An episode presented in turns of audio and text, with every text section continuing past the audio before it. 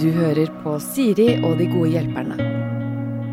Mine to gode hjelpere er por, porplars, som jeg pleier å si. Eh, som jo da er en tidligere sportsanker fra TV 2.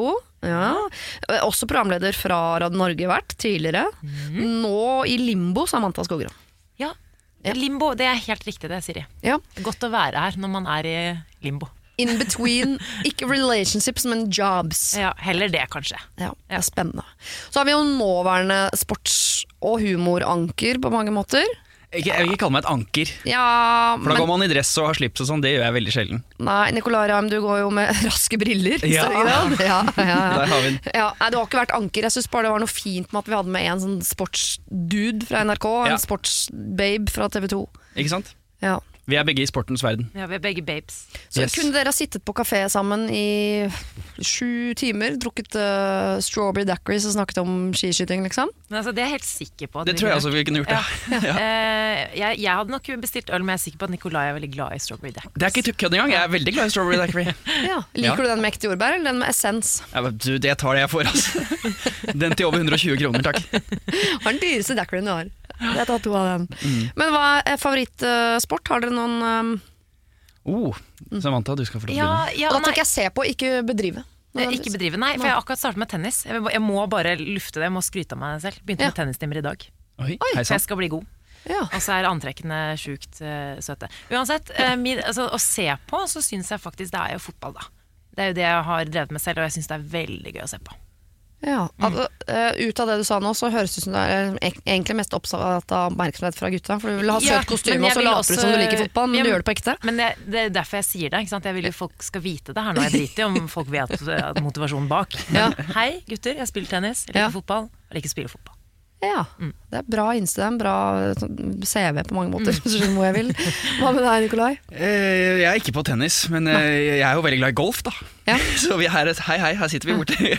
Så du er sånn golf og daiquiri-type igjen? Golf og daiquiri det kan jeg like godt, og i hvert fall bedrive. Men å se på TV, så liker jeg jo Det er vel få ting som slår en god herrestafett i langrenn. Altså. Ja. Det, det må jeg si.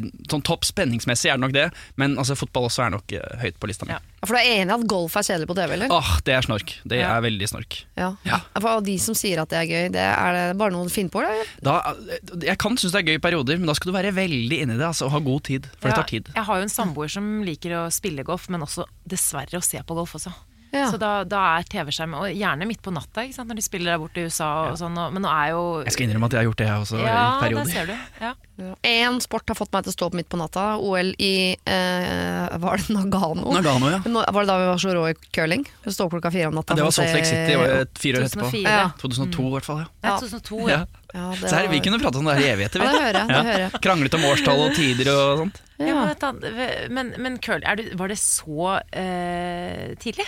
Ja, Pål Trulsen, Men, ja, det var det, det var det. Ja, ja. Er det så, men det er bare sånn, det, plutselig var det lenge siden. Ja, det er Ja, det. er lenge siden. Jeg var ung. jeg hadde stram Jeg, hud. jeg, jeg var barn. Ja, du var barn. Ja. Ja. Og så syns jeg eh, Formel 1 er gøy å se på. Oi, Ja, Det er jo litt som å se på golf, men det er noe med Det er ofte på søndager som man er litt klein. det tar tid, ass. Det tar Er tid, ja. Kjører de ikke sånn 200 runder eller noe? Det eneste som er spennende, er sånn Har han lagt seg på en eh, one pit eller two pit stop? eh, er- hva er taktikken? Ikke sant? Du er såpass inni det. ja. Ja, men det er, det, er de to, en- det er det eneste du trenger å kunne om Formel 1. Ja. Skal Men stoppe Siri, du- én eller to ganger. Du er sportsinteressert. Nei. Du, du later som du ikke er det, Det er men ikke du det. er det. Ja, litt. Noen ting så er det gøy å spille badminton. Hvis det er en sport. Det er en lek. ok, greit. La oss slutte å snakke om sport. Vi skal snakke om andre ting, blant annet kjærlighet. Oi, flott. Blant annet kjærlighet. Men også mye sorg. Ok, vi tar første problem. Jeg er en jente i midten av 20-åra som har data en fyr i åtte måneder i en mindre by i Norge mens jeg studerte. Nå er jeg blitt veldig forelska, men det er veldig vanskelig å finne jobb med den utdannelsen jeg har i den byen jeg er i nå. Da jeg ikke har lyst til å flytte pga. han, og han er bundet til denne byen noen år pga. hans utdannelse, vil jeg fortsette å være her. Samtidig er jeg litt ambivalent, da jeg er redd for å bli bitter på han om forholdet ikke skulle vise seg å fungere, og at jeg får forsinket start på min karriere. Samtidig er utdannelsen min veldig etterspurt, og jeg er helt sikker på at det er rett å få seg jobb på et senere tidspunkt. Sånn som jeg tenker nå, er jeg innstilt på å være her ett år til. Hva syns dere? Eva. Skjønner dere dilemmaet her? Okay. Ja. Hvis du, kan du liksom bare samle det til et kort spørsmål? Skal hun velge kjærlighet eller karriere? Nå! Nå, Hvor gammel var hun? Hun er midt i 20-åra. Ja. Og hun lurer på om hun skal bli ett år til for gi kjærligheten ett år til. Mm. Og så gå for karriere. Jeg skjønner ikke hva ett år, hvordan det skal ha noe å si en eller andre veien. Han er jo ikke ferdig om et år Mm. uansett. Enten så må du bli der til han er ferdig, eller så må du dra med en gang. Altså, vil du ha et konkret svar, eller kan jeg få lov til å svare eh, begge to? Eh, Du kan svare hva du vil. Du kan dra anekdoter og spora kan du til og med få lov til. Ja, nei, for jeg tenker jo sånn at eh, jeg har jo vært gjennom det her sjæl. Eller ja, ikke helt, kanskje, men, men jeg jobbet jo i Bergen da jeg traff Emil. Uh, og så pendlet jeg en periode. For det tenkte jeg, det her går jo fint. Men sånn pendling, det, det krever uh, sitt menneske, føler jeg. Er sånn, jeg likte jo ikke å være sånn frem og tilbake. Og liksom, jeg tenkte, jeg tenkte sånn, Enten så må du velge å være her og satse 100% på jobb, eller så må du dra til Oslo og så satse 100% på kjærlighet og eventuelt finne en jobb i andre rekke. Jeg Ja. valgte jo sistnevnte. Du ante, uh, har du blitt bitter? Eh, Det er det som er mitt problem nå. For jeg, romantikeren i meg har lyst til å si Men selvfølgelig må du velge kjærligheten. Det er jo det viktigste i livet. Når du sitter der og er 80 år gammel, når du ser tilbake, så er det ikke sånn Å, shit, den jobben der. Eller, men, jeg tenker at hun, hun er en litt sånn person som verdsetter kjærligheten, da. Men jeg er jo sjukt bitter selv på at, på at jeg ikke har fått gjort mange ting. Og nå har jeg fått barn, og da er jeg, nå er jeg enda mer bitter. helt fucked. Ja, ja. Så du angrer på at du valgte kjærligheten? Så jeg har Kjærligheten fører til unger, unger fører ja, ikke sant? er jeg, jeg, må, jeg, skal, jeg skal, må tygge litt på den mens Nikolai svarer her nå. Ja, Men kan jeg spørre kontrollspørsmål først, før Nikolai tar over? Ja. Hvor gammel var du da du valgte kjærlighet framfor eh, jobb? Jeg var 24. Da er man ung, ikke sant? Altså, du er Eva. Så jeg, og nå er jeg på en måte Nå er jeg jo snart 31 og er Og mye klokere, men bitter. ja. 31 år gammel, klok og bitter. Nei, For min del så mener jeg dette er soleklart. Eh, Jobb er ikke det viktigste i livet. Kjærligheten er viktigere. Dette kan være eh, mannen i ditt liv. Du holder ut. Han skal du jakte. Jobb kan du finne hvor som helst. Jobb løser seg. Kjærligheten er ikke sikkert løser seg. Kanskje dette er det du går glipp av. Kanskje du går glipp av tidenes eh, det som kunne gitt deg det perfekte liv. Men tror dere at hvis det hadde vært en kjærlighet som var så stor og perfekt, at hun i hele tatt hadde lurt på om hun skulle bli eller ikke? Eller Ja. tror du man kan bli ambivalent uansett hvor stor og ekte og riktig den kjærligheten er? Det der er et vanskelig spørsmål. Det er, det, er, det er et viktig spørsmål. Fordi Ja. For meg var det ikke det i det hele tatt. Det klart, og åpenbart så har jeg jo lykkes, føler jeg. da Så Jeg har jo en kjempefin mann og et uh, kjempesøtt barn. Men uh, nå som vi hørte Nicolaises svar, så vil jeg bytte båt nå. Jeg vil bytte fil. Ja, Sats karriere. du går for karrieren, ja. Dæven. ja men det var litt det jeg egentlig følte at du sa i stad også. Ja, der du det satt var vel kanskje det. Ja. Uh, men, men eh, for jeg mener jo at hvis eh, Nå skal jeg være litt hard her, men Ja. jeg mener at hvis du er forelska nok, og at kjærligheten er stor nok, uh, så, så er det på en måte easy. Kanskje ikke det er mannen i ditt liv. Ja. Nei, for det, men så er jeg så redd for Er det en klisjé, en pyntepute, noe man har sett på film? Det der Hvis kjærligheten er så uh, fantastisk og så riktig, og det er dere to og meant to be og la de da, så hadde du ikke klart å i det hele tatt vurdere å skulle reise fra han. Men- Eller er det fake? Nei, jeg syns hun uansett burde gi det en sjanse. Altså Om det skulle gi det det året, da. Så finner, kanskje hun finner ut at det er ikke mannen i hennes liv, men da har hun i hvert fall prøvd. Da vil hun aldri se tilbake på det øyeblikket her og tenke at fader, han slapp unna. Ja, hva hvis? Hva hvis? Ja. Men Da vil hun hvis- vite. Men gir hun en fair sjanse hvis nå, Jeg bare ser for meg sånn øh, Ok, hun blir igjen i bygda, øh, får seg en jobb som er helt sånn ok. Kanskje hun får seg en Da skal jeg ta en jobb jeg har hatt som jeg syns var ok, men som ikke jeg skulle bli når jeg var stor. Gartner på kirkegård. Hyggelig jobb. Ja. Uh, hun blir det. Og så er han på jobb masse og har alle kompisene sine Nei, han jo- studerer masse og fester og kompiser og bla, bla, bla. Hun jobber 9 til 4 på kirkegård, og så er hjemme og lager middag. Gir hun da Jeg bare tenker at den kjærligheten får en litt sånn øh, skeiv start. Fordi jeg tror allerede der at man kan begynne å ugle seg hverandre litt på sånn Å ja, du er ute og flyr, og her er det ikke noen rutiner eller tider, eller hvis jeg sitter her ferdig på jobb klokka fire. Jeg tror man bare litt sånn for fort kommer inn i den der voksentilværelsen som gjør at Jeg tror ikke hun kommer til å like han Hun kommer til å være bitter for at, hun, at han fikk henne til å velge bort karriere. For Ja. et liv som Jeg tror gartner. heller hvis de er på hvert sitt sted og opplever hver sine fantastiske ting, og kan møtes en gang i måneden og dele sånn dette er fantastisk, dette er fantastisk, hyggelig å se deg igjen, og det blir kjipt at du drar. Vi ses om tre uker. Husk at vi skal til Italia i påsken. Men altså, ja, alt det du sier nå, Siri. Altså, ja, nei, men bare pass deg for, bitter, eh, for bitterheten. For den kommer og biter deg i ræva en eller annen gang. Det er det eneste jeg har lyst til å si. Ja, pass Ja. deg for bitterheten. Og helt, det, det, alt det du sa nå, kjempespennende. Altså, kombiner det. Prøv å finne en måte. Sett deg selv først, for du kommer til å angre. Ok, Så det vi sitter igjen med er pass deg for bitterheten, den kommer og biter deg i ræva, og samtidig kjærligheten er størst. Ja, det mener jeg. Absolutt. Ja. Men da har jeg et kompromiss å foreslå. Eh, bli i den byen nå litt sånn framover, liksom. Kjenn litt på det. Og se om det er noe du har lyst til å gjøre der. Kanskje det er ledig gartnerstilling på en kirkegård i nærheten, eller et eller annet. Eh, badevakt kan jeg også anbefale. Eh, samtidig så ser du på eh, Følger med på stillingsannonsene. Ja. Dukker drømmejobben opp en tre timers togtur unna, så, du til, så søker du, og da kjenner du på sånn Den dagen du ikke får den, så kommer du til å kjenne på om du er glad for det eller lei deg for det.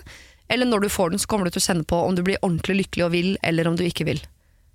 Er det et kompromiss vi kan bli enige om? Ja, Helt enig. heng med på den. Ja, Og pass deg for bitterheten, han kommer og biter deg i ræva. Bare vent. så deilig at du er så ærlig på det, Samantha. Ja. For jeg hadde pakket inn og sagt sånn lei meg eller noe sånt. Nei, nei. Nei, Her, her, her er jeg. Ok. Vi skal over til en som har et eh, slags motsatt problem. Her er eh, gutter i hver en skuff. Hei, Siri og gjengen. Dere kan kalle meg Emilie. Jeg kom ut fra et lengre forhold i fjor og bestemte meg for å klare meg på egen hånd, ettersom jeg aldri har vært singel i voksen alder før. Jeg falt allikevel etter for presset og lasta ned Tinder i februar, i en by jeg nå ikke bor i lenger, men som jeg skal flytte til etter sommeren. Det tok kort tid før jeg var i god dialog med to fine fyrer. Siden da har jeg snakket mye med begge disse via andre sosiale medier, og jeg liker dem begge to veldig godt. På grunn av korona har jeg ikke vært i samme by som dem ennå, men jeg skal tilbake nå snart, og begge vil møtes, og vi legger masse planer. Jeg føler meg ny i dette gamet, men vet ikke da helt om det er feil å date begge to litt. Eller om en, eh, eller begge mener at dette er seriøst allerede. Det har gått fire måneder siden vi begynte å chatte, eh, men jeg har jo ikke møtt noen av dem, bare på telefon, Snap, Tinder. Når er det ikke greit å date flere lenger? Hjelp, vær så snill, klem fra meg. Oi. Kan jeg få begynne her? Ja. For her mener jeg you go girl, kjør på! Du er en player, spill kortene dine akkurat der du vil. Her er det bare fritt fram. Hun har ikke møtt noen av dem før. Hun må ikke kjenne på noe skam for å date to forskjellige personer. Men er hun en player? Er man per deaf player når man har møtt dessverre tilfeldigvis to mennesker man liker samtidig? Player er jo et veldig tabloide uttrykk eh, her, da. Ja. Men at hun, at hun får lov til, å- det er lov til å spille på flere hester samtidig, Ja. det mener jeg må være lov. Jeg, jeg tenker også det, og så tenker jeg ehm, Burde man kanskje si at man dater flere? At bare, hvis, jeg tenker at det er helt innafor så lenge man sier sånn Ja, ja, men nå er jeg jo på dateren. Ja. Eh, eller sender man kanskje helt feil signal? da? Jeg vet ikke, jeg har ikke vært singel på en stund. Men jeg tenker så lenge man er åpen om det, så er det jo helt Og her er jo, det, altså, her er jo egentlig korona en positiv ting, eh, om det går an å si. Men fordi hun har jo ikke truffet de, hun har jo bare pratet med de. Da er det jo eh, Ja. fair game. Jeg Ja. syns det er helt fair. Men det kan jo lure henne opp i en del situasjoner hvor hun, hvis hun ikke spiller med åpne kort, så må hun uh, ljuge helt i startfasen av noe som kan bli vakkert. Litt sånn, eh, de er på, La oss si de er på en tennisdate da, på en tirsdag, og så spør han ja, hva skal du på torsdag, kunne godt tenke meg å ta deg med ut og, og kjøre gokart. Så sier hun sånn, å ja, torsdag, frisøren, så skal hun egentlig ut med den andre fyren. Ja. Ja, men hun skylder jo ikke han fyren noen ting enda uansett. Eh, selvfølgelig hvis det går litt eh, lengre tid og sånn, men her kan man jo bare si 'jeg har en avtale', eller 'jeg har en date'. Det er også en fin måte å si 'hei, jeg dater andre'. Nei, jeg har faktisk en Den annen er, date. den er fin. Det er Ja. lov å si sånn nei, jeg skal på en annen date. Ja. Og det må være lov når de, de har truffet hverandre. Aldri. Det er første møte. Jeg syns hun kan møte begge to, og da vil hun umiddelbart få uh, finne ut om det er kjemi med enten begge eller en av dem. Ja. Og så blir valget enkelt. Eller Ja. kanskje ingen. Kan jeg komme med et lite men? Ja. Eh, for å dra inn min, eh, mine personlige erfaringer, Ja. så har jeg jo sjonglert før. Det skal Ja. jeg innrømme. Eh, også så lenge som at det kanskje ikke er helt innafor. Mhm. eh, Var det Emil og Bjørn Dæhlie? det? du må ikke si det på lufta, sier du det, sa jeg det. Fortrolighet, unnskyld. Ehm, nei, eh, det, var, det var før Emil. Det var ikke, Ok. Hvis ikke så hadde jeg ikke delt der. Helt Nei. ærlig. Men det kom til et tidspunkt hvor det er sånn Ok, nå må du snart lyve, eller så må du være ærlig. Og eh, for å gjenta mine klokord, det kommer og biter deg i ræva senere. Hvis ikke du Bare ikke la det gå for lang tid, okay. tenker jeg. Du må si ifra. Sånn som jeg nevnte i sted, med å bare slenge inn at jeg skal på date med en annen. Bare vær ærlig, fordi er, plutselig står du der med ingen. Men helt fra start, for jeg tenker at hvis eh, han ene er en litt sjalu fyr, men egentlig veldig fin, og det er han som er den rette Jeg vet ikke om hun skal si til han i det hele tatt før de har truffet hverandre at jeg skal også treffe en annen fyr. For det kan jo Altså Man kan jo se rart på det hvis man vil. Du skjønner? Men du vet når du dater noen, jeg vet ikke hvordan dere opplever det her, men når du dater noen, så, eh, og så begynner det å gå bra, og så kommer det jo alltid et naturlig tidspunkt hvor du sier sånn Du, skal vi kanskje ikke treffe andre nå? Eller sånn at man sier at man er litt eksklusive, da. Eh, kan man ikke ta det da, Jo, det tenker jeg også. Jeg syns ikke hun skal komme med liksom noen forbehold. Det høres ut, da høres ut som hun Da hadde jeg som, Hvis jeg var denne, en av disse karene, da, og en jente jeg skulle møte for første gang, sier sånn Du, før vi møtes, så må bare si jeg treffer flere. Så jeg tenkte sånn Ok, hvem er det du tror du er, da? Din uh, matador? Altså, slapp nå helt av. Der tror jeg jeg mistet litt interessen, faktisk. Det er veldig sånn, ok, du Jeg er helt enig. Så la nå, treff nå disse kara, finn ut om det er kjemi, og så kan man ta det litt etter hvert. Når man kanskje etter hvert skjønner at oi, han ene var jo mye mer spennende. Da kan du jo bare gi blaffen i han forrige, da. Det er litt kulturelt også. Jeg tenker sånn, Hadde man vært i USA eller Frankrike, for den saks skyld, så er det jo ganske vanlig å date, å date mange, og så på et eller annet tidspunkt så sier man 'I love you', og så etter det igjen så kan man si 'I'm in love'. For det er tydeligvis mye mye større Ja. og farligere enn lo vanlig love. In Ja. love er noe annet. Ja, og det er sånn ingenting teller før I love you. Nei, det er ingenting. regelen der borte. Ja. Men siden vi også i Norge har nettopp den samtalen som du refererer til, Samantha, som er eh, skal vi begynne å date exclusive, så vil det jo si at fram til man har hatt den samtalen, så har man jo ikke vært det. Nei. Nei, nettopp. Så Og det er, vel, er- ikke alle innforstått med det? At så lenge man ikke har på en måte hatt den praten om at nå er det deg og meg for en stund, Mm. så er det er fritt fram. Helt enig. Spill spillet, ha det moro. Men hun kan vel også kjenne litt på sånn Hadde du likt om han også drev og data andre damer? For jeg ser for meg at hun kunne funnet på å bli sur for det. Vet ikke hvor jeg, hvilken setning jeg leser det. Jeg bare, kanskje jeg putter meg selv inn i det. Nei, men Jeg hadde ikke blitt sur, men jeg hadde nok kanskje blitt litt sånn fornærma at, at jeg var på en måte den han likte best. Da. Men det, det kan man jo ikke vite så tidlig uansett. Nei. Så jeg ville eh, kjørt på, og så ville jeg kanskje name-droppa. Ikke navnet, men det at du dater en annen i en tilfeldig melding eller et eller annet sånt noe, eh, underveis. Ja, Ja, Ja. Den der å si 'jeg skal på en annen date' er ikke så dum. etter hvert. For da legger man det fram som det ikke er noe big deal. Dette er Mm. bare en sånn Dette er sånn, dette er sånn jeg, jeg jobber, og det får du bare deale med tjommi. Ja. Ja. Men ikke si fra før dere helt har gått på date, for da virker du litt sånn full av deg sjæl. Ja. Ja, er jo jeg må den- bare si fra at jeg, Ja. uh, jeg er ute, liksom, der. Jeg er Ja, der ute, jeg er på liksom. markedet, ja, ja, ja. sånn. Så innmari.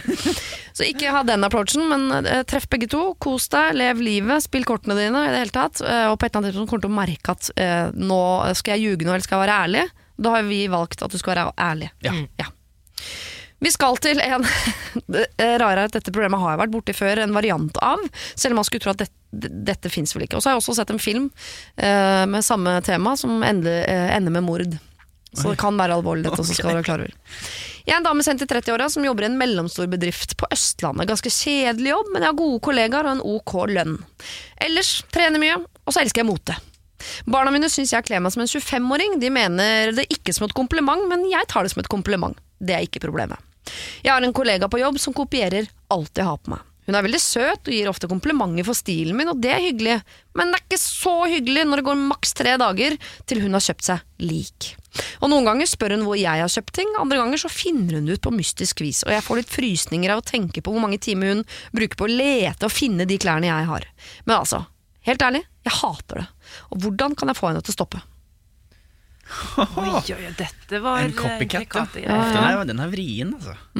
Ja, fordi utgangspunktet tenker jeg sånn Hvis noen hadde kopiert meg sånn motemessig Jeg er jo ikke noe Jeg er ikke noe fashion-løve, for å si det sånn. Jeg er ikke noe interessert i det heller. Nei. Så da hadde jeg tatt det som et stort kompliment hvis noen hadde lyst til å kle seg sånn som meg. Ja. Men her høres det ut som et på en måte nytt nivå. Hun har lyst til å kopiere henne på alle mulige måter, Ja. eller? Ja, og jeg skjønner at du syns det er et kompliment, men hvis det er sånn hver gang du kommer på jobb og har kjøpt deg en uh, kjole, da, og selv om ikke du er så, så veldig interessert i det, så syns du jo den er fin, for du har jo kjøpt den.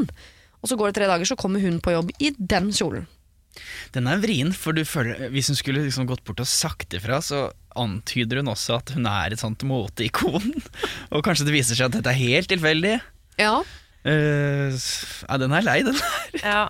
Ja, for det er jo ingenting her som er ulovlig heller, så det her er det jo virkelig bare sånn Hvis man sier fra her, så er det si fra at 'dette liker jeg ikke'. Kan du ta hensyn til mine preferanser i hverdagen, liksom? Men jeg skulle ønske jeg kunne gå litt mer inn i dybden, for det høres ut som det er noe mer grums her. Det er, et, det er ikke bare at hun kommer med de samme klærne og sånn. Eh, Det, det må jo være, for helt ærlig så, så prøver jeg å forstå dette problemet. Hvorfor det er så vanskelig for deg at det er noen som kommer og har det sånn. For helt ærlig, så jeg tror ikke Jeg hadde tatt det som et kjempekompliment hvis noen kom Ja. i den kjolen. He- Selv om jeg syns eh, den kjolen var fin, og at det er jeg som har valgt den, osv.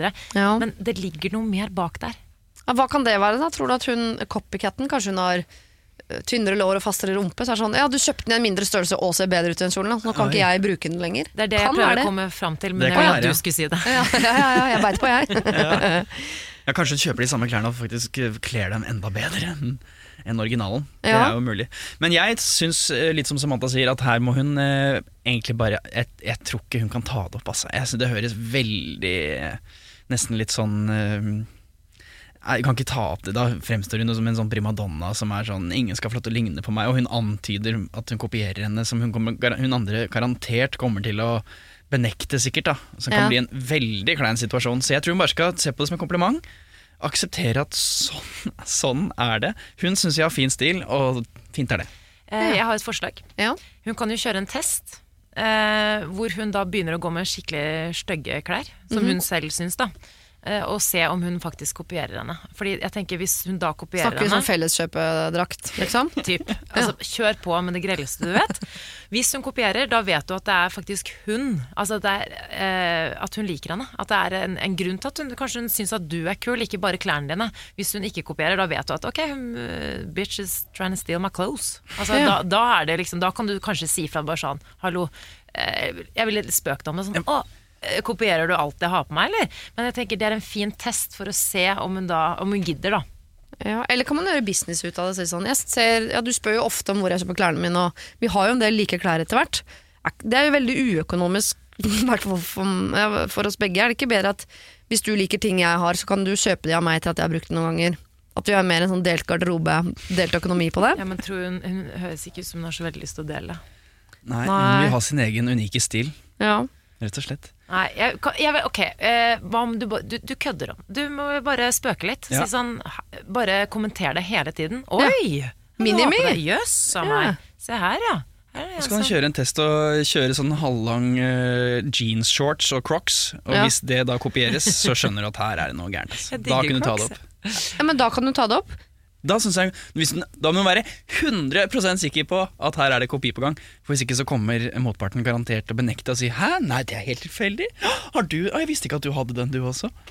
Og da, det kan bli Jeg vet ikke, jeg kjenner bare min konfliktskyhet. Bare, åh, jeg får helt vondt inni meg å ta den samtalen her. Eh, vi er vi nærmer oss bånn av bøtta på dette problemet, så jeg innser det. Men jeg bare lurer på om man har et lite sånn smutthull her man kan benytte seg av, som er eh, eh, Jeg kommer inn på jobb, har på meg en fin kjole.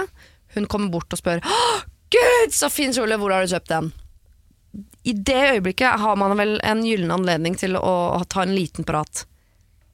Og si hva? Hva Altså, skal du si sier da? Nei, det vet jeg ikke. Den er fra Sara, ikke kjøp den. Det er en, en variant. Den er tøff. Den er beinhard. Jo, så ler du litt etterpå. Men så du, du, Jon kan si sånn, ja Du har jo en tendens til å like de klærne eh, jeg kjøper. eh, Du. Kanskje vi skal dra og handle sammen en dag og se om vi kan finne Syns ikke du det er kleint at vi har like klær på jobb? Har litt sånn godt humør på det. Man trenger jo ikke å være Ja, kanskje. Men hvis det blir det godt humør Det høres så passivt aggressivt ut å være sånn Ikke kjøp den, er du snill. ikke, vær så snill, ikke kjøp den. Men hvis det er et såpass stort problem, så da, det er verdt det. Det er verdt å si, si et eller annet. Jeg ville kanskje bare faktisk sagt ifra. Det høres ut som hun syns det er skikkelig irriterende. Ok, jeg, jeg skal prøve en siste variant her nå. Okay. Det er bare en variant av mitt eget forslag. okay. Som er Å, syns du den var fin? Enig, den er kjempefin. Men vet du hva jeg tror du hadde vært fin i? At man er sånn, for det er tydeligvis at eh, Hun syns at du har veldig god stil, du er flink med mote. Ja. Da kan man bruke det og gå inn i sånn stylisterolle som er sånn Ja, jeg er opptatt av mote, jeg er god med mote, og jeg ser at din, vet du hva din kropp hadde kledd? Du hadde vært helt nydelig. Du vet sånn Symmeter, bla, bla, et eller annet. Jeg kan ikke mote heller. Sånn, Du hadde vært helt nydelig i noe helt annet enn hva jeg har på meg. Jo, men gi henne et tips. Sånn, du er jo Ja. så utrolig smal i midjen, så du burde egentlig ha ting som går rett inn under øh, brøda. Jeg, jeg så en kjole. Hvor er det? Vet du hva? Bli med meg på Sara. Ja, det hørtes hyggelig ut. Det hørtes vennligere ut enn det, enn det jeg kom med. Ja, Ja. Enig i det. Bedre. Ok, Da har vi i hvert fall gitt deg en, et lite smuttehull. Eh, det kan du benytte deg av, men jeg syns overskriften i denne saken er 'det der kan du ikke ta opp'. du må ta det som et kompliment, gå videre i livet, la det ligge. Ok, nå skal vi ta eh, noe av litt mer alvorlig karakter. Oi. I sommer skulle jeg og familien min på bobilferie. Vi skulle reise oppover kysten og helt til stedet der jeg er oppvokst. Vi skulle bo fire dager hos mine foreldre før vi reiste videre. Jeg har gledet meg masse! Barna våre på åtte og ti de gleder seg også masse, og mannen min er positivt innstilt, som han sier.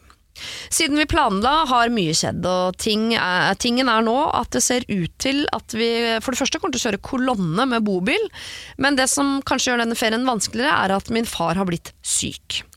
Eh, da må dere i hvert fall reise, kanskje, tenker dere, men han er ikke sånn syk. Han har slitt med psyken hele sitt liv, nemlig.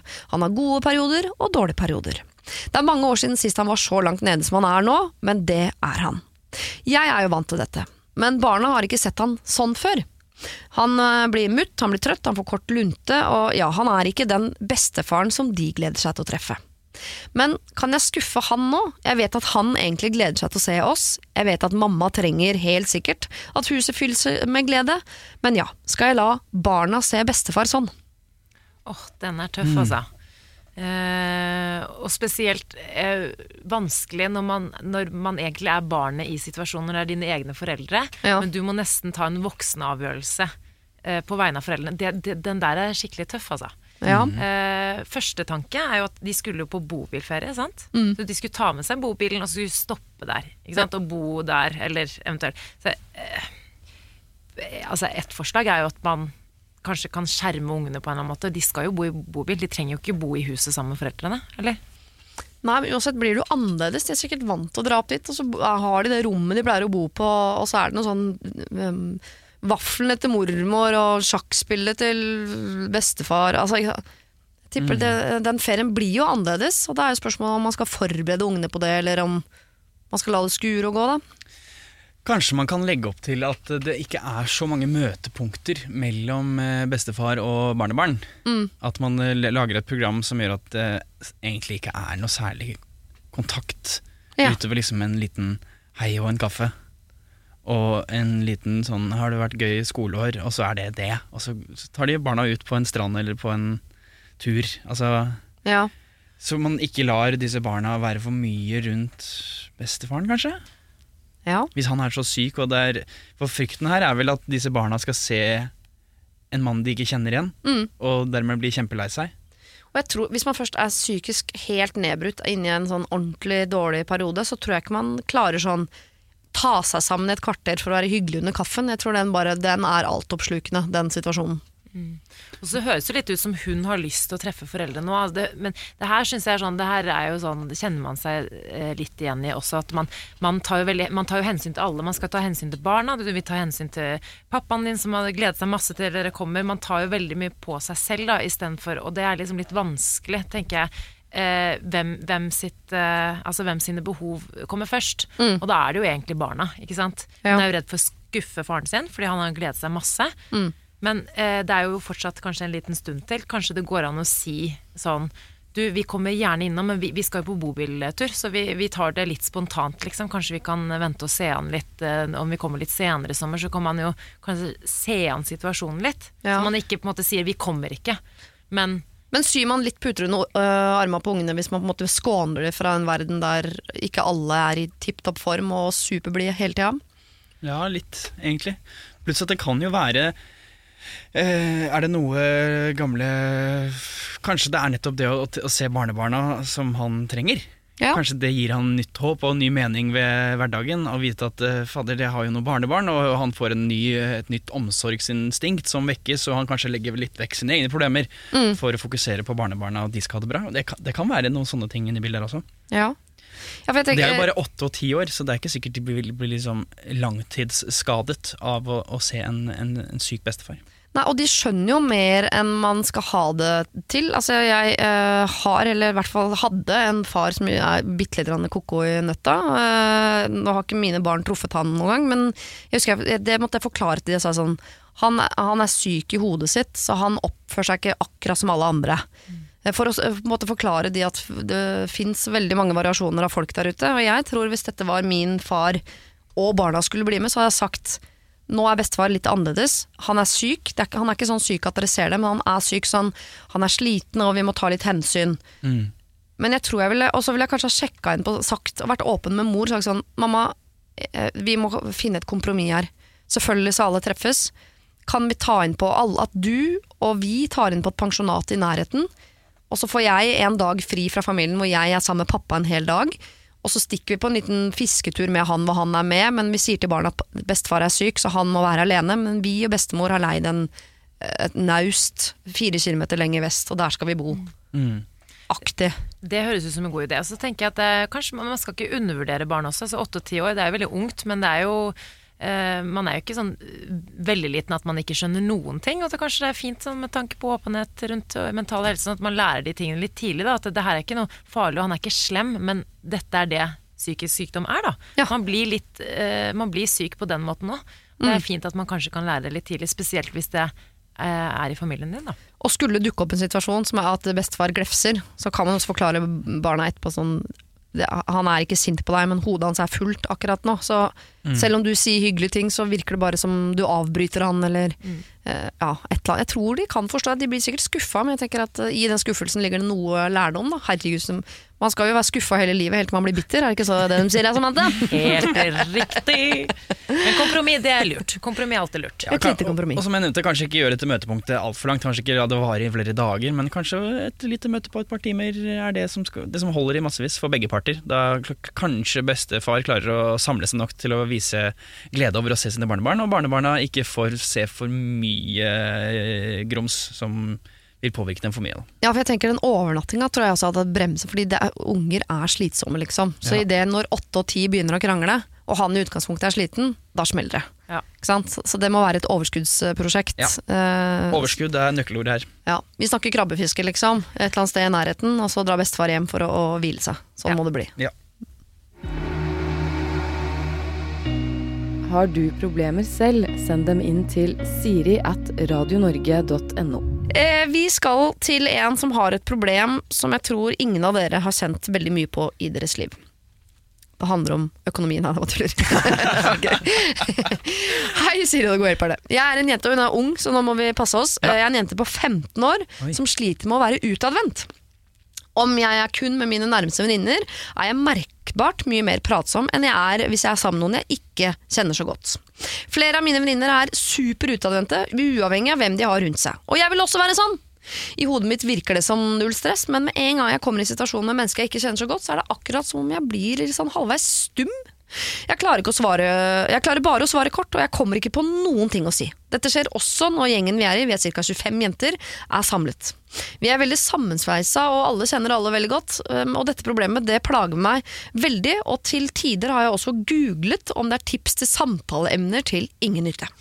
Jeg vet jeg må jobbe med meg selv for å bli mer utadvendt, men jeg vet ikke helt hvor jeg skal starte.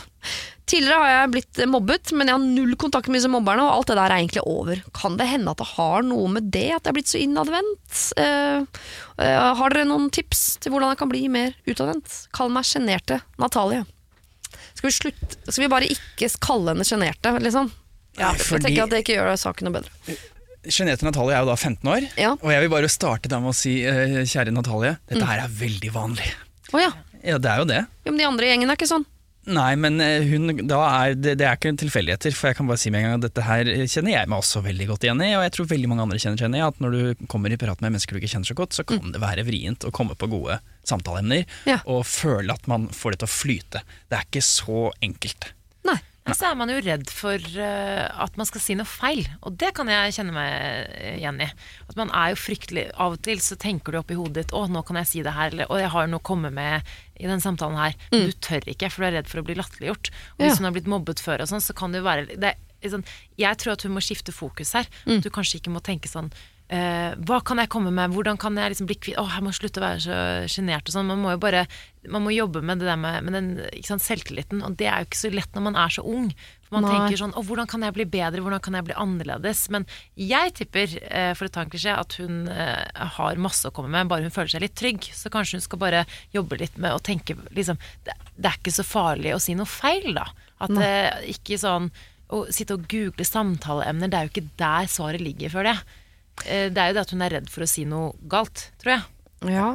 Jeg, for det første så må jeg bare si at jeg, jeg ser ikke noe poeng med at alle skal bli så himla utadvendte. Jeg syns det er utrolig deilig at uh, vennegjenger og sosiale settinger generelt består av noen som er det, og noen som ikke er det. For hvis alle skal være Absolutt. utadvendte, hadde det vært jævla slitsomt. Yep. Jeg synes det er digg at det er noen som kan forholde seg litt rolig i en krok. Som du Uh, ofte tenker at uh, Natalie her er jo en man antageligvis da, når man først kommer i prat med Natalie, så får du en bedre samtale med henne. Og nå skal jeg si noe som kanskje er slemt, og dette har jeg ikke forsket på, det er bare en tanke som dukket opp i, i, i pannebrasken til meg nå. Kan det der, den følelsen av å være Å, jeg er sjenert, noen ganger handle om Du er ikke sjenert, du er bare smart. Hvis du følger på, Jeg sier ikke at alle som ikke er sjenerte, er eh, brødhuer, men det er jo en del folk som bare jabbedi, jabbedi, jabbedi, jabb, kan, Ja. som har null problem med å gå bort til fremmede folk og si sånn Ja, nei, øh, rosa ballong! huh», Og så Ja. er man helt sånn, mens hun tenker sånn Men det er jo ikke en samtale. Så går hun at, og tenker liksom Ja. Å, skal jeg snakke om uh, Putin, eller skal jeg snakke om uh, litteratur, eller skal jeg, uh, Og så stokker det seg til. Det er jo ikke sånn at alle mennesker er skrudd sammen slik at man eh, snakker før man tenker. Noen er motsatt, at de tenker før de snakker. Og eh, Natalie virker som en person som veier sine ord med omhu. Hun trenger ikke å si noe bare for å si noe, og det må være lov. Ja. Vi kan ikke ha et samfunn der alle skal gå rundt og være Mia Gundersen og Petter Stordalen. Det er lov det er å være litt eh, inni seg selv Mm. og holde litt grann eh, kjeft. Ofte fordi man, ja, som du sier, kanskje vet at det skal, dette har jeg ikke så lyst til å si. Dette er ikke så intelligent, jeg holder det for meg selv. Og det er nok en, som eh, Samantha sier, en frykt for å fremstå kanskje uinteressant hvis man ikke har noe å melde. Og det tror jeg ikke man skal gå rundt og være redd for. Det er lov å være litt grann stille. Det er lov å være introvert. Jeg tenker man skal jobbe mer med å være komfortabel med å være stille. For jeg tenker øh, Jeg har også øh, vært veldig sjenert. Er til en viss grad fortsatt ganske sjenert i litt sånn større settinger, folk jeg ikke kjenner og sånn. Og jeg ga opp ofte før jeg ble varm i trøya, at hvis jeg kom på fest, kjente ikke så mange, så gikk jeg hjem før egentlig festen var i gang. Og så lærte jeg meg at hvis du bare kom tidlig, hold ut, stå på kjøkkenet, Vær gjerne stille i en time. Så på et eller annet tidspunkt så begynner man å bli varm i trøya, og så løsner det opp lite grann. Men jeg er ikke en som går rundt og jabbedi jabbedi jabb med hvem som helst rundt omkring. Jeg aner ikke hva jeg skal si til noen, jeg, egentlig. Nei. Så jeg tenker bare å være litt sånn trygg på at det er greit å være stille, og det er veldig mange som liker det bedre. Ja, jeg er helt enig. Og eh, helt ærlig så tror jeg faktisk at altså, Nå er eh, Natalie 15 år. Mm. Eh, hun kommer mest sannsynlig til å få eh, de gode vennskapene når hun blir eldre, tenker jeg, istedenfor de som går rundt og jobber. Nå prøver jeg ikke å fornærme venninnen hennes, men det blir i hvert fall færre sånne overfladiske vennskap. Jeg tror hun får eh, sterkere og dypere vennskap når hun blir større. Kanskje hun tenker på sånne ting nå, at det er noe negativt, men jeg tror egentlig det er veldig positivt. Men så kan det jo være en hemsko, for det er jo noe Hvis man skal inn i en bransje for eksempel, hvor man eh, er avhengig av å bygge nettverk, for eksempel, da. eller man er ny på en skole, man kjenner ingen, man har begynt å studere et eller annet som ingen av vennene dine studerer. Altså Man kommer i en setting hvor, hvor det er en fordel å kunne komme i prat med folk. Så skjønner jeg at da er det jo eh, Da kunne det vært deilig å legge fra seg det sjenerte, og tørre å gå bort til folk og snakke om ting. Og der er det jo noen grep som er Ja, jeg kjenner meg igjen i det. At jeg, jeg, kan nok også, jeg er nok i mange situasjoner meget eh, introvert av meg, men jeg har nok en bryter som jeg skrur på når jeg er i forsamlinger der jeg ikke kjenner så mange. Som er en sånn Nå skal jeg bare stå i det og si hei til folk og se folk i øya og spørre hva de jobber med. Og bare la det stå til. Og så skrur jeg den veldig fort av når jeg ikke må. Ja. Og det tenker jeg at det, kanskje det er et, et steg å begynne. Bare tenk, Gå inn i en situasjon og tenke sånn Nå gir jeg det her et forsøk, nå skal jeg bare være utadvendte Natalie, ikke sjenerte Natalie. Og bare la skravla gå litt og se hva som skjer. Og kanskje det føles kjempeukomfortabelt, men kanskje hun kommer ut på andre siden og tenker hm, det, jeg fikk faktisk fremstått det ganske Det var ikke så verst, det der. Nei. For det er det jeg har opplevd noen ganger selv, at hvis jeg er på for store fester eller på Gullruten og sånn, da må du jo prate med alt som kan krype og gå av folk i TV-bransjen. Og da tenker jeg før jeg går fra hotellrommet og retter på øh, smokingen, bare sånn ok, nå skrur jeg på bryteren, nå skal jeg være utadvendte ram her, kjør. Og så kommer jeg tilbake på hotellrommet og bare uh, ferdig, nå har jeg snakket med Gud og hvermann. Gikk ikke så verst. Nei. Gikk ikke så verst. Jeg har vært på Gullruten en gang. Jeg gikk på hotellrommet sånn i nitida, tok Ja. smygeren, gikk og satte meg på rommet og tenkte jeg klarer det, jeg får det ikke til. er slitsomt. jeg, jeg, jeg, jeg får det faktisk Ja. ikke Ja, men Det er det man skal passe seg som, som introvert, for du er sikkert eh, sånn, Mange ville kanskje kalt deg ekstrovert, Siri, men jeg, tror egentlig du er litt på, introvert. eh, hvis 100 er mulig, så tror jeg jeg ligger på 99 på introversjonen. Ja, ja. Mm. Fordi, og da tenker jeg, Du må ikke gjøre noe Jeg er egentlig helt enig med Nicolai på at man skal utfordre seg selv, men pass litt på. For du kan gå i en felle med at du på en måte skal kanskje please alle andre istedenfor deg selv. Jeg er litt enig med at man skal heller dyrke den egenskapen som egentlig er kan være veldig positiv. Da. Ja. For det suger mye energi ut av deg hvis du er introvert og prøver å på en måte være noe du ikke er. da Og så tenker jeg Istedenfor å jobbe med så mye uh, det, Jeg sa det jo litt i stad, men ikke jobb så mye at du skal forandre deg. Jobb med å være komfortabel med den uh, du er. Og så jobb litt grann med når du er i settinger hvor du observerer disse utadvendte som du misunner. Prøv å følge med på hva de sier og hva de gjør. Tipper de står og jabber eh, om, eh, om seg sjæl mye. Og da er det lett for en som ikke er så utadvendt, å gå inn i en sånn situasjon, still, putte en tier på automaten, stille det ene spørsmålet, som du gjerne må google, men jeg, du kan få det gratis av meg her nå. Jeg vet at Google er gratis, ikke gi meg det blikket. Hva jobber du med? For eksempel? Helt vanlig. eh, Ja. eh, Hva liker du å, å hun er 15 år, da. Hvilken Jo, ja. skole går Hvilken du på? skole går- Hva skal du bli når du blir russ? stor? Hvor var du russ? Ja, hva, ja. Et eller annet sånt spørsmål, så vil du se at de utadvendte, da har de fått polletten de trenger for å fosse løs. Jepp. Og Så du kan du blir og super Altså Mia Gundersen og Petter Stordalen. Mm. Stiller du bare Til og med de kan du bare stille du. Hvordan går det med deg om dagen? Ja. Done. Kvarter de før Ja, ja. elsker deg. Ja, da har de fått et publikum, og du har fått noe å se på. Ja. Lykke til, og det kommer til å ordne seg også når du blir eh, eldre og du har jobba litt. Legg bort Google. Få på en fest. det er rart å si til 15-åringer, men så Ok, vi skal på sommerferie, dere. Eh, Norgesferie vil jeg jo anta. Oh, yes. Kanskje kjøre litt rundt med en tur til Mandal eller noe. Hei, Siri og dine gode hjelpere. Vi er et godt gift ektepar i 40-åra som har familie og og har vært sammen lenge. Vi er den typen familie som reiser på sommerferie med campingvogn, noe våre tre barn alltid har vært med på. Nå er eldstemann blitt stor nok til å være hjemme alene, men våre to yngste døtre skal fortsatt være med. I år har plutselig en av mine svigerbrødre ferie samtidig som oss, og har veldig lyst til å følge oss på campingferie. Da vi har så mye erfaring med det. Men de er nye i campinggamet. Dette kunne jo vært ganske hyggelig, hadde det ikke vært for at barna våre virkelig ikke går sammen. Deres barn er en del yngre enn våre, altså deres er 7 og 9, våre er 13 og 15, og der deres barn vil leke og bli utålmodige av lange middager og prat, er våre døtre gjerne med på lange kvelder rundt grillen, rolige dager på stranda og lang lengre fjellturer når vi reiser. I tillegg til ulike interesser og veldig ulik måte å feriere på, er ikke barna våre akkurat bestevenner. De møtes bare i større familiesetninger, og mine døtre er sjelden med på leken som de yngste. Dette er ikke noe vi har snakket med svigerbror eller svigersøster om, men jeg skulle, eh, eller søster, jeg, men jeg skulle gjerne eh, da tro at også de ser at våre barn ikke går så godt sammen. Spørsmålet er, må vi reise på tre ukers camping med svoger pluss familie? Kan vi si nei til det, og i så fall hvordan? Hilsen Marte og Geir. For det var snakk om tre uker, ja. Tre uker er mye. Oi, oi, oi. Ja, ja. Gode 21 dager der. Ja, skal vi bare si nei til tre uker med en gang, og så diskuterer ja, vi den ene uka som jo kan være aktuell? Men jeg bare skjønner ikke hvorfor de skal på tur sammen i det hele tatt. Hvem er, hvem er optimisten her? Eh, nei da. Eh, det er Jeg tror du vil eh, erfare etter hvert at eh, man har vel, det, den situasjonen her fins, hvor den ene går hjem og tenker sånn Var ikke det helt jævlig? Og de andre tenker sånn Dette Dette gjør vi også neste år! Ja. Sånn, det er den verste ferien jeg har vært på hele mitt liv! Jeg vil aldri se deg igjen. Ja. Ja, nei, uh, umiddelbart så tenker jeg at her må man jo tilpasse. Jeg tenker, eh, med de, Spesielt med barna. Fordi uh, de må være happy. Hvis de er happy, så klarer man å slappe av og kose seg selv. De har unger som kan sitte rundt bordet lenge og, og kose seg. Så man trenger kanskje ikke tenke så mye på sine egne barn, eller de døtrene, men de andre barna, de små, er det ikke altså du, eh, nå har, altså Min sønn er jo bare halvannet år, så jeg er ikke så eh, erfaren her. Men går det ikke altså noe, iPad, eh, hva, hva er det man finner på å distrahere de? Her er nøkkelen at de to minste, det er de som må være happy. Hva slags leke, men Her må man planlegge aktiviteter. Hva kan de gjøre på kvelden, hva kan vi gjøre på dagen for å holde liksom, De må være happy. Ja. Det er nøkkelen her.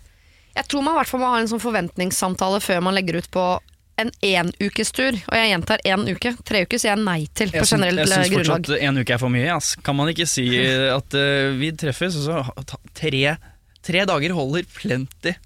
Tre dager, ja. Vi er Ja. helt der nede. Ja. Tre-fire dager. Ah, Hvis, ah, da- hvis, det, det- hvis man egentlig ikke går så godt sammen, så er alt over, fire, alt over en langhelg er lenge.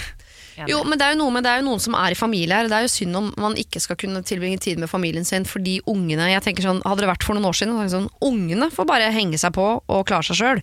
Det er ikke noe sånn, Jeg tror ikke man tok det hensynet i gamle dager. Og er det, Min erfaring er at hvis det er mange nok unger, så opphører på en måte det der med alder og om de liker hverandre og hva de gjør og sånn. Da blir de bare som en sånn masse. Så det er nesten, det er nesten skulle invitert med to til. Men det fine er at de, de, det var camping. Ja. Da kan man jo bare reise videre når man føler for det. Kanskje man skal se hvordan det går, da. Gi det et eh, forsøk. Ikke, legge, ikke legge en plan om at dette er 21 dager, ferdig snakka, tre uker fra start til slutt, vi skal gjennomføre hele veien. Men man begynner, så går det tre dager, så kanskje man snakker med barna. Har dere det gøy? Har dere det ikke gøy? Så er det jo bare å pakke sammen og kjøre videre, da. Men skal Ja. man si til de andre da at du, vi, vi har det ikke så gøy sammen med Nei, dere. da sier man vi har så vi fått en kjempeidé, vi drar et annet sted. Ja. Nei, men hvis eh, Ok, la oss ta for oss. Eh, det er frøken 13 og frøken 15. Ja. Har ikke lyst til å leke med eh, lille 7 og lille 9. Det skjønner jeg veldig godt. Men hvis lille 7 og lille 9 ikke er der, så leker de jo ikke med det. Ikke? De er ikke med på campingturen. Det mattestykket er enkelt. Men hvis lille 7 og lille 9 er der, så må jo ikke leke med det allikevel.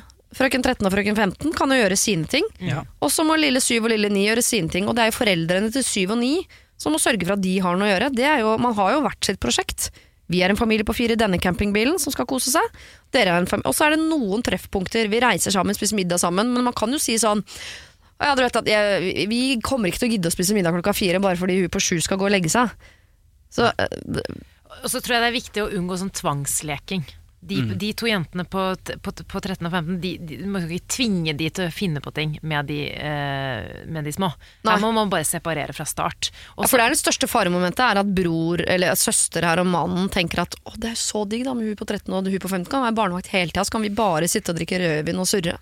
Ja, og det er derfor jeg tenker For det, jeg tror de, for de fleste er jo litt sånn konfliktsky. De tar ikke opp De tenker at ok, her er faremomentene ved å, at vi alle skal reise på ferie sammen. Så tenker de det, men så sier de ingenting. Jeg tror det er viktig å legge en plan. Jeg er litt sånn kontrollfreak. Eh, her tenker jeg Legge en plan med de andre foreldrene. Du, vi har tenkt at våre døtre ditt sånn, men hva med dere? Har dere planlagt noe? Altså, Man må virkelig bare planlegge og passe på at de andre foreldrene har klekket ut en plan for sine egne. Den er god. Den er smart. Finne ut at de har, en, de har forberedt seg hvordan de skal underholde syv og ni. Ja. Så det ikke bare er Nei, de bare dilter etter 13 og 15. For Nei, det skal de kommer ikke 13 og 15 til å synes det er noe gøy. De vil gjøre sin ting. De vil bade og flørte med gutter, de. Ja, og det sier man klart. Det, det du sa nå, det skal man si. Ja. Det, sorry, men de jentene er litt sånn nå, skjønner du. De er jo 13 og 15 år, og de er jo ikke så interessert i å le. Altså, man må nesten bare si det. Ja, en variant, for jeg tenker at man kan godt si sånn, fordi de som har 7 og 9 har jo ikke hatt 13 og 15 før, så de vet ikke hva det innebærer. Så kan jeg godt si sånn, dere vet, jeg bare sier fra 13 og 15, de er der nå at de er mest Ja. opptatt av gutter og telefonen sin og det greiene der. Så De vil ikke det er ikke fiske sikkert de krabber kommer til å leke så mye. Nei, fiske krabber og sånn, det må jeg bare være forberedt på. Men jeg tror ikke du skal si sånn, har dere lagt en plan for hva syv og ni skal gjøre, eller? Tenker sånn, ikke kom og lær meg å være mamma for mine egne barn. Da hadde jeg blitt ganske sint. Ja. Selvfølgelig har jeg tenkt på det.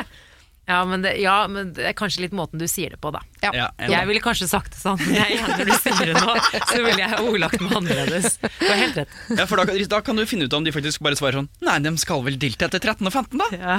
Og så bare viser det seg at å ja, de, det er Hvor det er som din er din familie fra? De er fra Steinkjer. Steinkjer, ja. ja. Jo da, dere må ha en prat i forkant, men jeg lurer også på Jeg tror nok dette går bedre enn dere frykter. Fordi jeg er helt enig, eh, 13, 15, 7 og 9 leker jo ikke sammen i gata. Nei. Men på ferie så er det et eller annet som opp Altså det er noe sånn eh, Tid og alder og sønn og interesse Det bare Det opphører, liksom. På en eller annen mystisk måte. Og så blir man bare en sånn saus av en gjeng som går rundt og egentlig har det ganske mye hyggeligere enn man vanligvis har det. Så det kan være det går bra òg. Jeg hadde ikke trodd at du var sånn Brady Bunch, Siri. Nei, jeg er ikke egentlig verken det eller så positivt innstilt. Jeg, men eh, jeg har erfart dette ganske nylig. Vært på Tenerife jeg, med mine små og en annen familie. De hadde store. Og de ville jo aldri ha lekt sammen i gata i Son. Men på Tenerife så var det altså fra 7 til 17 gjeng. Ja. Ja. Hele dagen, hele kvelden. Kanskje i Mandal, der er det også fint, tenker jeg. Der, der kan man komme godt overens med Ja. hverandre. Prøv det i Mandal. Veit om en fyr som skal dit, som sikkert sitter i barnevakt. Veldig fint, ja. Veldig fint. Ok, her er det noen som uh, lurer på om de i hele tatt skal få barn. Oi. Uh, og da uh, eh, Ja, nei, jeg bare leser. Ja. Jeg trenger hjelp. De siste fem åra har jeg vært sammen med en helt fantastisk fyr. Vi kommuniserer godt, diskuterer og er både åpne og ærlige med hverandre. Vi er ikke gift eller forlovet, men har snakket mye om fremtiden og hvordan bryllupet vårt en dag blir, og generelt veldig enige om mye. Blant annet at dette er et langsiktig forhold som er verdt å satse på. Den samtalen høres så døll ut. Ja, seriøse Ok. greier. Ja. Men det er én stor ting vi er veldig uenige om. Han vil ikke ha barn, men jeg er helt sikker på at det skal jeg ha. Vi snakker ganske åpne om dette også, hvorfor det er viktig, vanskelig osv. Han hadde en trøblete barndom med skilte foreldre og en veldig fraværende mor, mens jeg hadde en veldig trygg og fin barndom, og jeg har også hatt et godt forhold til mine foreldre, og det har jeg en dag i dag.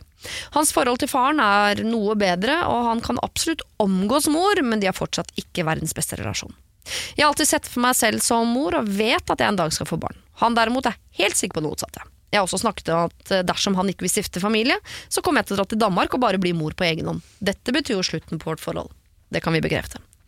Jeg tror at en av grunnene til at, han, eh, til at vi ikke har blitt forlovet, er at han er usikker på nettopp dette punktet. Jeg mener vi skal være sammen så lenge som mulig, og at det derfor er fint at vi gifter oss selv om vi har denne uenigheten. Jeg tenker også at han kan ombestemme seg, og at vi kanskje kan bli foreldre en dag. Han derimot mener at det er noe rart ved å skulle gifte seg når man er så uenig om dette, som potensielt en dag vil føre til brudd.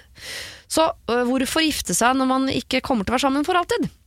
Nå har vi begge passert 30, han er litt eldre enn meg, og tiden går uten at vi forlover oss, selv om vi har snakket om dette i et år.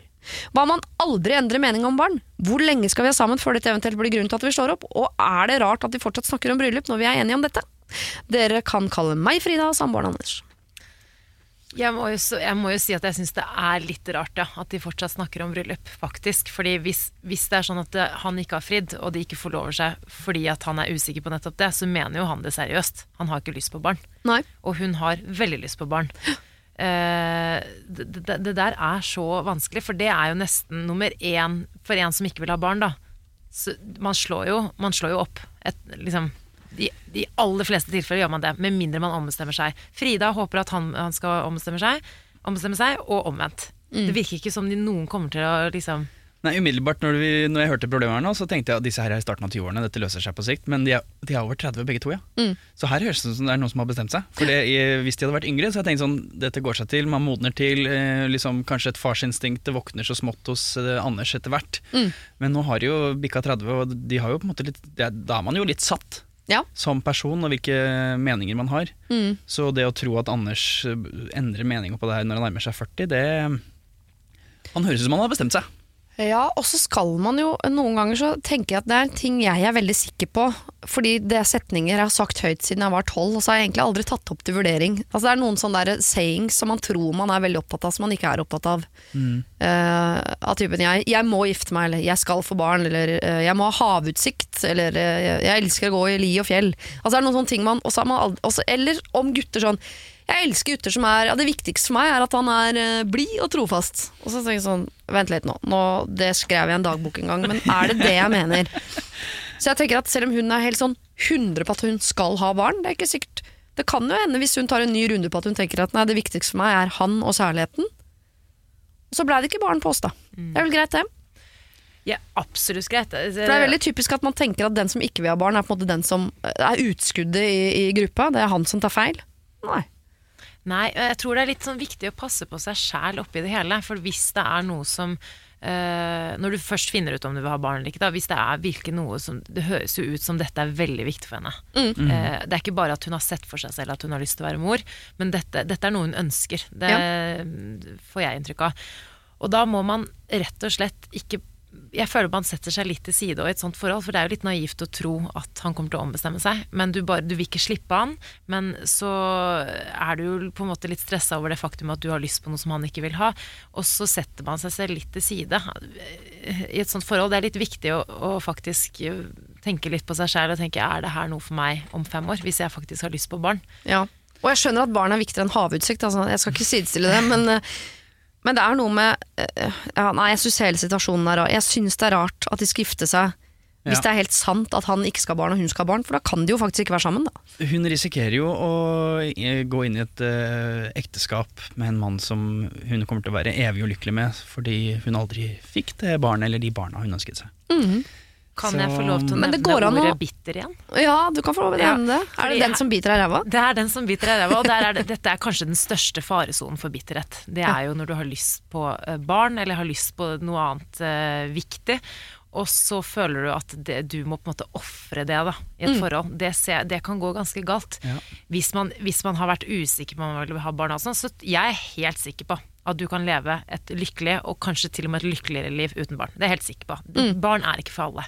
Så det er kanskje litt sånn som du nevnte i sted, Siri, viktig å ta en skikkelig runde med seg selv og tenke har jeg faktisk lyst på det, eller er det bare noe som har satt seg i hjernen min. Eh, men, men likevel, hvis det er noe du har lyst på, og du kjenner på det, da må du gå ut av det forholdet ganske kjapt, tror jeg. Ja, Ja, da tenker jeg også, skal ikke sette av, Nå er det over 30 allerede, skal ikke sette av de neste fem årene bare på å være gift med en fyr, du ikke skal være sammen for bestandig, og så skal du skille deg, så skal du finne en annen fyr å få barn Ja. med. Nå er du plutselig 47. Hun utsetter, du kan ikke utsette det problemet. Nå, now's the time to take a stand. Nå må hun bestemme seg. For Ja. nå har hun plenty av tid til å finne en mann som hun forelsker seg i, og som eh, vil dele et, et barnefullt liv sammen med henne. Jeg bare lurer på sånn, Hvis dette paret, eh, Frida og Anders, hvis det viste seg at Anders ikke kan få barn, at det var det som var casen, hadde hun gått for han da? At det der er så vanskelig. Mm. Men da ville de funnet andre m Ja. måter å få barn på, tror jeg. Eller sånn, da, da, det finnes så mange andre muligheter. Ja. Eh, hvis han hadde ønsket seg barn, da, og at, men han bare kunne ikke eh, levere fysisk, eller at det var et eller annet, da. Ja. Da hadde det vært noe helt annet, tenker jeg. Ja. Eh, selvfølgelig hvis eh, Så det har jo ikke med ønske å gjøre, det er bare at man kanskje ikke kan. Det byr jo på andre utfordringer. Ja. Det høres ut som vi går, går i retning av, eh, mer i retning av skilsmisse enn Ja, giftermål her. det er sjelden vi kommer med så lite håp i rådene våre, men her høres det ut som det er to motpoler som ønsker å leve to vidt forskjellige liv. Og Ja. da Ja. høres det ut som bare- to partnere som kommer til å bli dårlig, dårlig perle her etter hvert. Denne historien har jeg fortalt øh, før, øh, men jeg var jo øh, sammen med en annen fyr en gang. Hei. Uh. Da. Og vi hadde vært sammen lenge, og jeg tror nok på en måte man tenkte sånn this is it, men det gjør man jo når man er ung. Hvor han på et eller annet tidspunkt Jeg overhørte han si til en kompis sånn Å ja, nei, jeg skal aldri ha barn. Og det var en samtale ikke vi hadde hatt ennå, vi var ganske unge. Så tenkte jeg sånn Hæ?! Det, det skal jo jeg! Og da tenkte jeg, men da, altså, Den natta sa jeg sånn Du, vi to kan faktisk ikke være sammen lenger, fordi jeg skal ha barn en dag, og det skal tydeligvis ikke du, og da er det jo egentlig ikke noe vits at vi er sammen. Selv om det er mange år til, så kan det være vits med at vi skal bruke mange år på å være sammen når vi til syvende og sist kommer til å bli slutt uansett. Mm.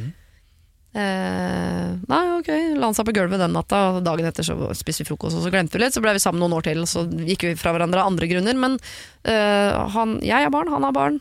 Hva er våre barn? Altså, man Å ja. Forandrer Så han endte opp med å få barn? Ja, ja, masse unger, masse unger. Så det var jo på en måte bare noe han uh, sa, og selv om jeg på en måte da den, den natten i noen timer der gikk fra han, så, uh, så var det ikke noe sånn at han snudde på hælen på det der med ungen. Det handla bare om Det kan ha handla om meg. Han tenkte sånn, jeg vil ikke ha dine barn. Nei. Stygge trynet ditt, Det- akkurat. Det var det han tenkte, det vet jeg ikke. Uh, eller Jeg vet ikke. Det er bare helt umulig å vite.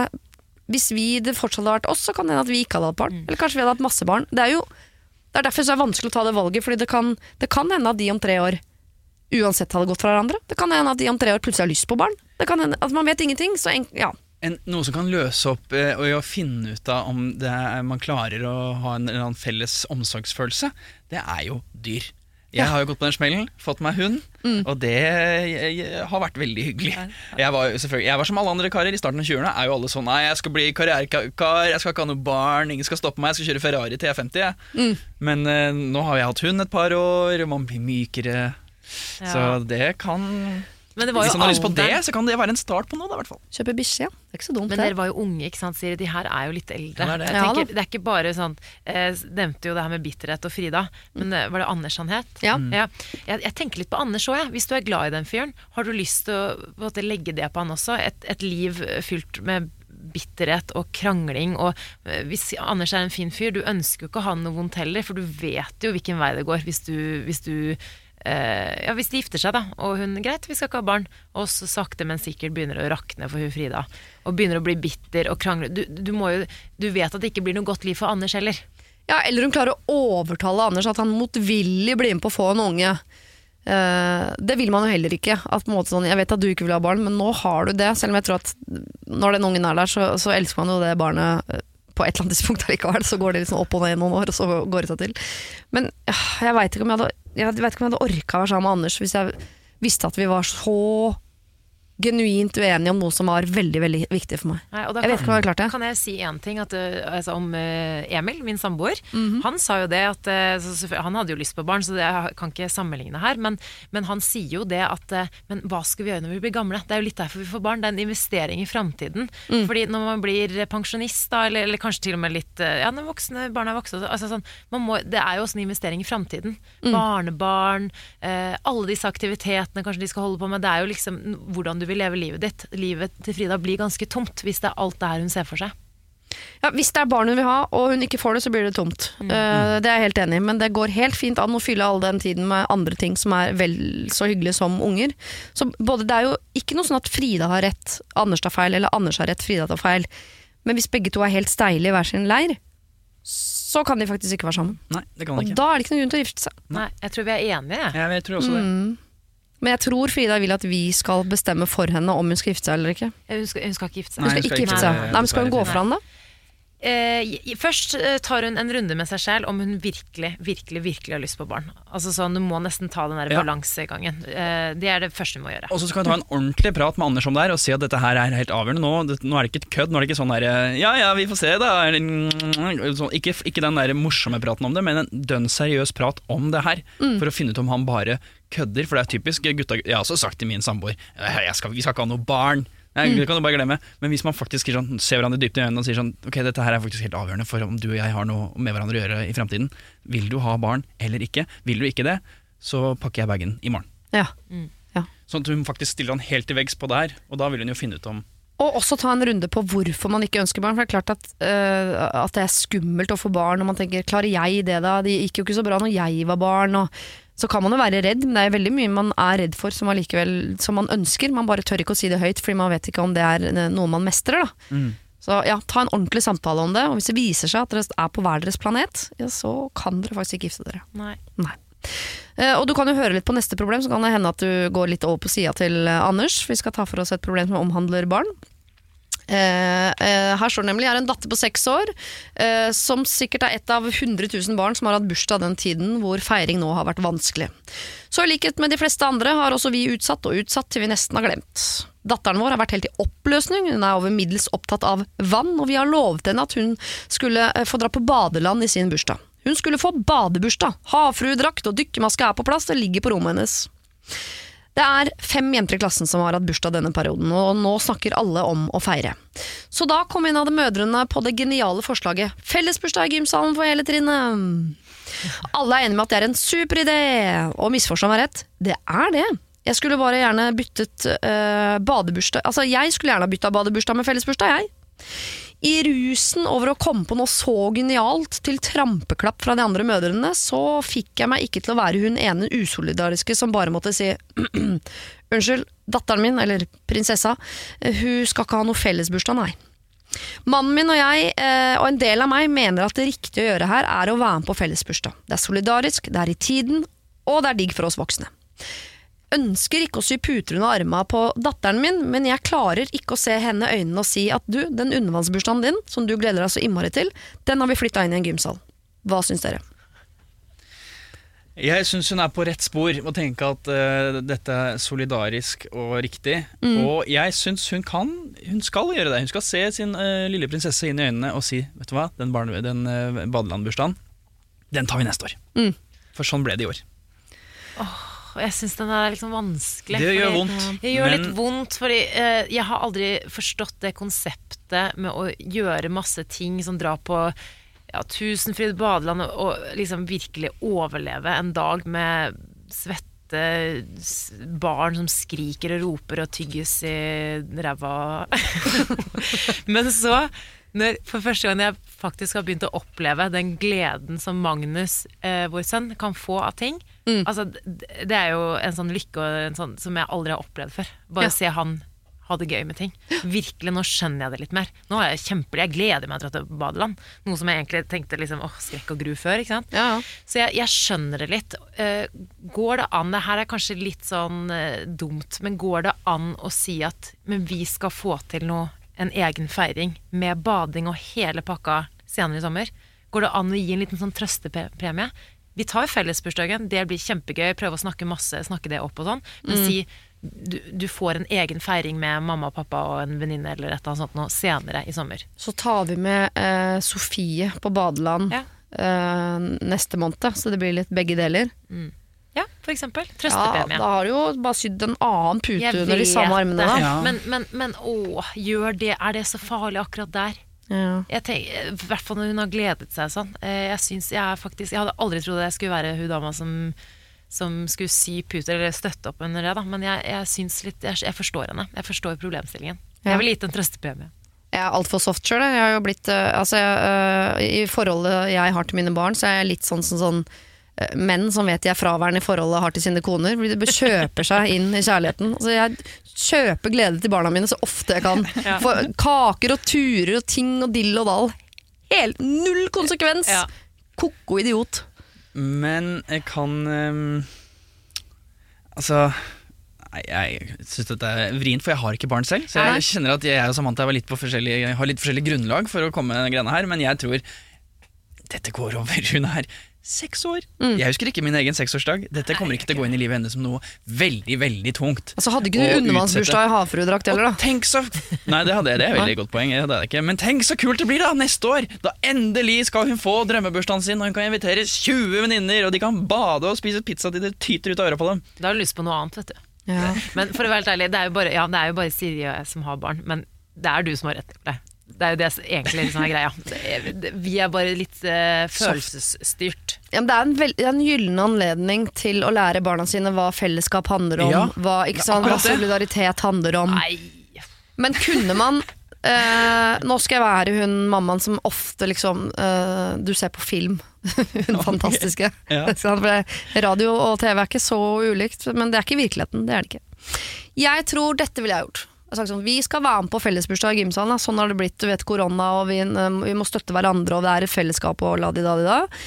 Eh, og så hadde jeg innredet gymsalen, spurt de andre mødrene sånn Hun har gledet seg veldig til det. Eh, kan vi kjøre utkledning i bursdagen? Ja, sier de til. Kjempeforslag, sier de til det. Og så hadde jeg innredet deler av gymsalen med sånn fisker på veggene, sånn lampe som gjør at det ser ut som det er hav, noe blått på gulvet, og så hadde datteren min fått lov til å kle seg ut som havfrue. Så hadde hun fått sin undervannsbursdag borti en krok i den gymsalen. Siri Kristiansen kupper barnebursdag. Nei, men Ja, det er jo en utkledningsfest, og noen har pynta gymsalen med Oi, det viste det med fisk, og, og Det er jo ingen som er imot det. Og så spiser vi uh, undervannscupcakes og uh, tangbløtkake, eller jeg vet ikke. Tanken er veldig god, men, tro- men er, hun, eh, er hun på en måte gammel nok eller ung nok til å altså, Hva hvis hun blir skuffa? Det er så utrolig kjedelig. Vet du hvor lett det er å imponere unger? Ja, det er det det? Ja, ja, ja. Jeg, jeg lurer. Ja. ok. Ja, nei, men det, og jeg syns det var et veldig kreativt uh, for, forslag. Med mindre andre syns at Men da, da skal hun gjøre hele jobben, da. Altså, Ja, ikke det sånn må hun skal, gjøre. Fordi jeg tenker, Hvis du da sier sånn Ja, uh, da gjør du det samme som de gjorde. Tok kontroll over hele greia og bare ikke ga deg en mulighet til å gjøre noe selv. Hvis, da må hun gjøre alt arbeidet. Hun kan ikke kreve at alle andre er med på Men de andre mødrene skjønner det. hvis de sier sånn, vet du hva, Jeg er helt enig, selvfølgelig skal vi ha fellesbursdag. Det er det, det er det vi skal. Eh, jeg hadde egentlig lovt dattera mi undervannsbursdag, det, det, det får bli neste år. Men kanskje hadde det vært litt gøy å ha utkledningsbursdag? Eller kanskje, ah, kanskje vi skal ha uh, undervannstema? Jeg kan henge masse sånn liksom-tang i taket og sånn, så kan alle, ungene kle seg ut som sjøstjerner og fisk og sånn. Ja, men når du sier det sånn nå, Jeg er solgt. Jeg er med. Ja, det, høres jo bra ut. hvis du legger det fram sånn, så er det Ja. ikke så, så gærent. Men Se for deg lille er Lukas liksom i stjerne, Ja, ja. sånn sjøstjernefigurkostyme. Det er jo så nydelig. Og Sier hun på den måten der, så kan det oppfattes på en både, både solidarisk og som at du har et eh, veldig godt eh, hjerte for din egen, ditt eget barn. Men Ja. hvis hun legger fram feil og er sånn Ja. Dette er veldig hyggelig, folkens, men det blir undervannstema for min lille prinsesse. Hun skal få alt hun peker på. Jeg bare sier det, folkens, det er bare å glemme det. Ikke noe fotball, ikke noe ingenting. Her blir det bading, undervann, sjøstjerner og krabber. Ja. Da tror jeg de andre foreldrene kommer til å klikke. Dere må gjerne stå borti kroken her og koke med de langpannegreiene deres, men Ja. vi har undervannstema her borti denne kroken og kjører undervannscupcakes. For min datter er special. Ja, nei, men helt, bare legg det fram på en ordentlig måte, så kan dere foreslå det temaet, så vinner jo alle. Da er det vinn-vinn. Ja. Da er det vinn-vinn, Det faktisk. Ja. ja. Prøv det. Her er du en gyllen anledning til å glede mange med en litt annerledes bursdag i gymsalen i år. Du har muligheten til å være solidarisk, du har muligheten til å lære datteren din noe som er viktig for resten av livet. Du kan jo slenge en liten sånn forelesning om statskassa, oljefondet og de greiene der, så er vi i gang. Så Så er jeg helt sikker på at eh, alle blir fornøyd. Datteren din blir også fornøyd. Og skulle det skjære seg helt, så er det jo lov å svinge innom et badeland på et eller annet tidspunkt. Ja, der har du det. Ja. Dere, jeg ønsker dere god sommer. Norgesferie, eh, en tur til Mandal. Eh, du skulle også på bilferie, du visste ikke helt hvor ennå, Samantha? Nei, fordi jeg vet ikke om jeg skal gifte meg eller ikke. Nei. Jeg håper du skal gifte deg. Jeg skal ikke gifte meg. Jeg håper du ikke skal gifte deg. Nei, og så ikke håper jeg du skal til Mandal. Det er en slags plass på såret for mange. Da. Ja da. God sommer! God sommer. Det var det. Husk å sende ditt problem til siri at radionorge.no om du vil ha hjelp. Denne podkasten er produsert av Rubicon for Bauer.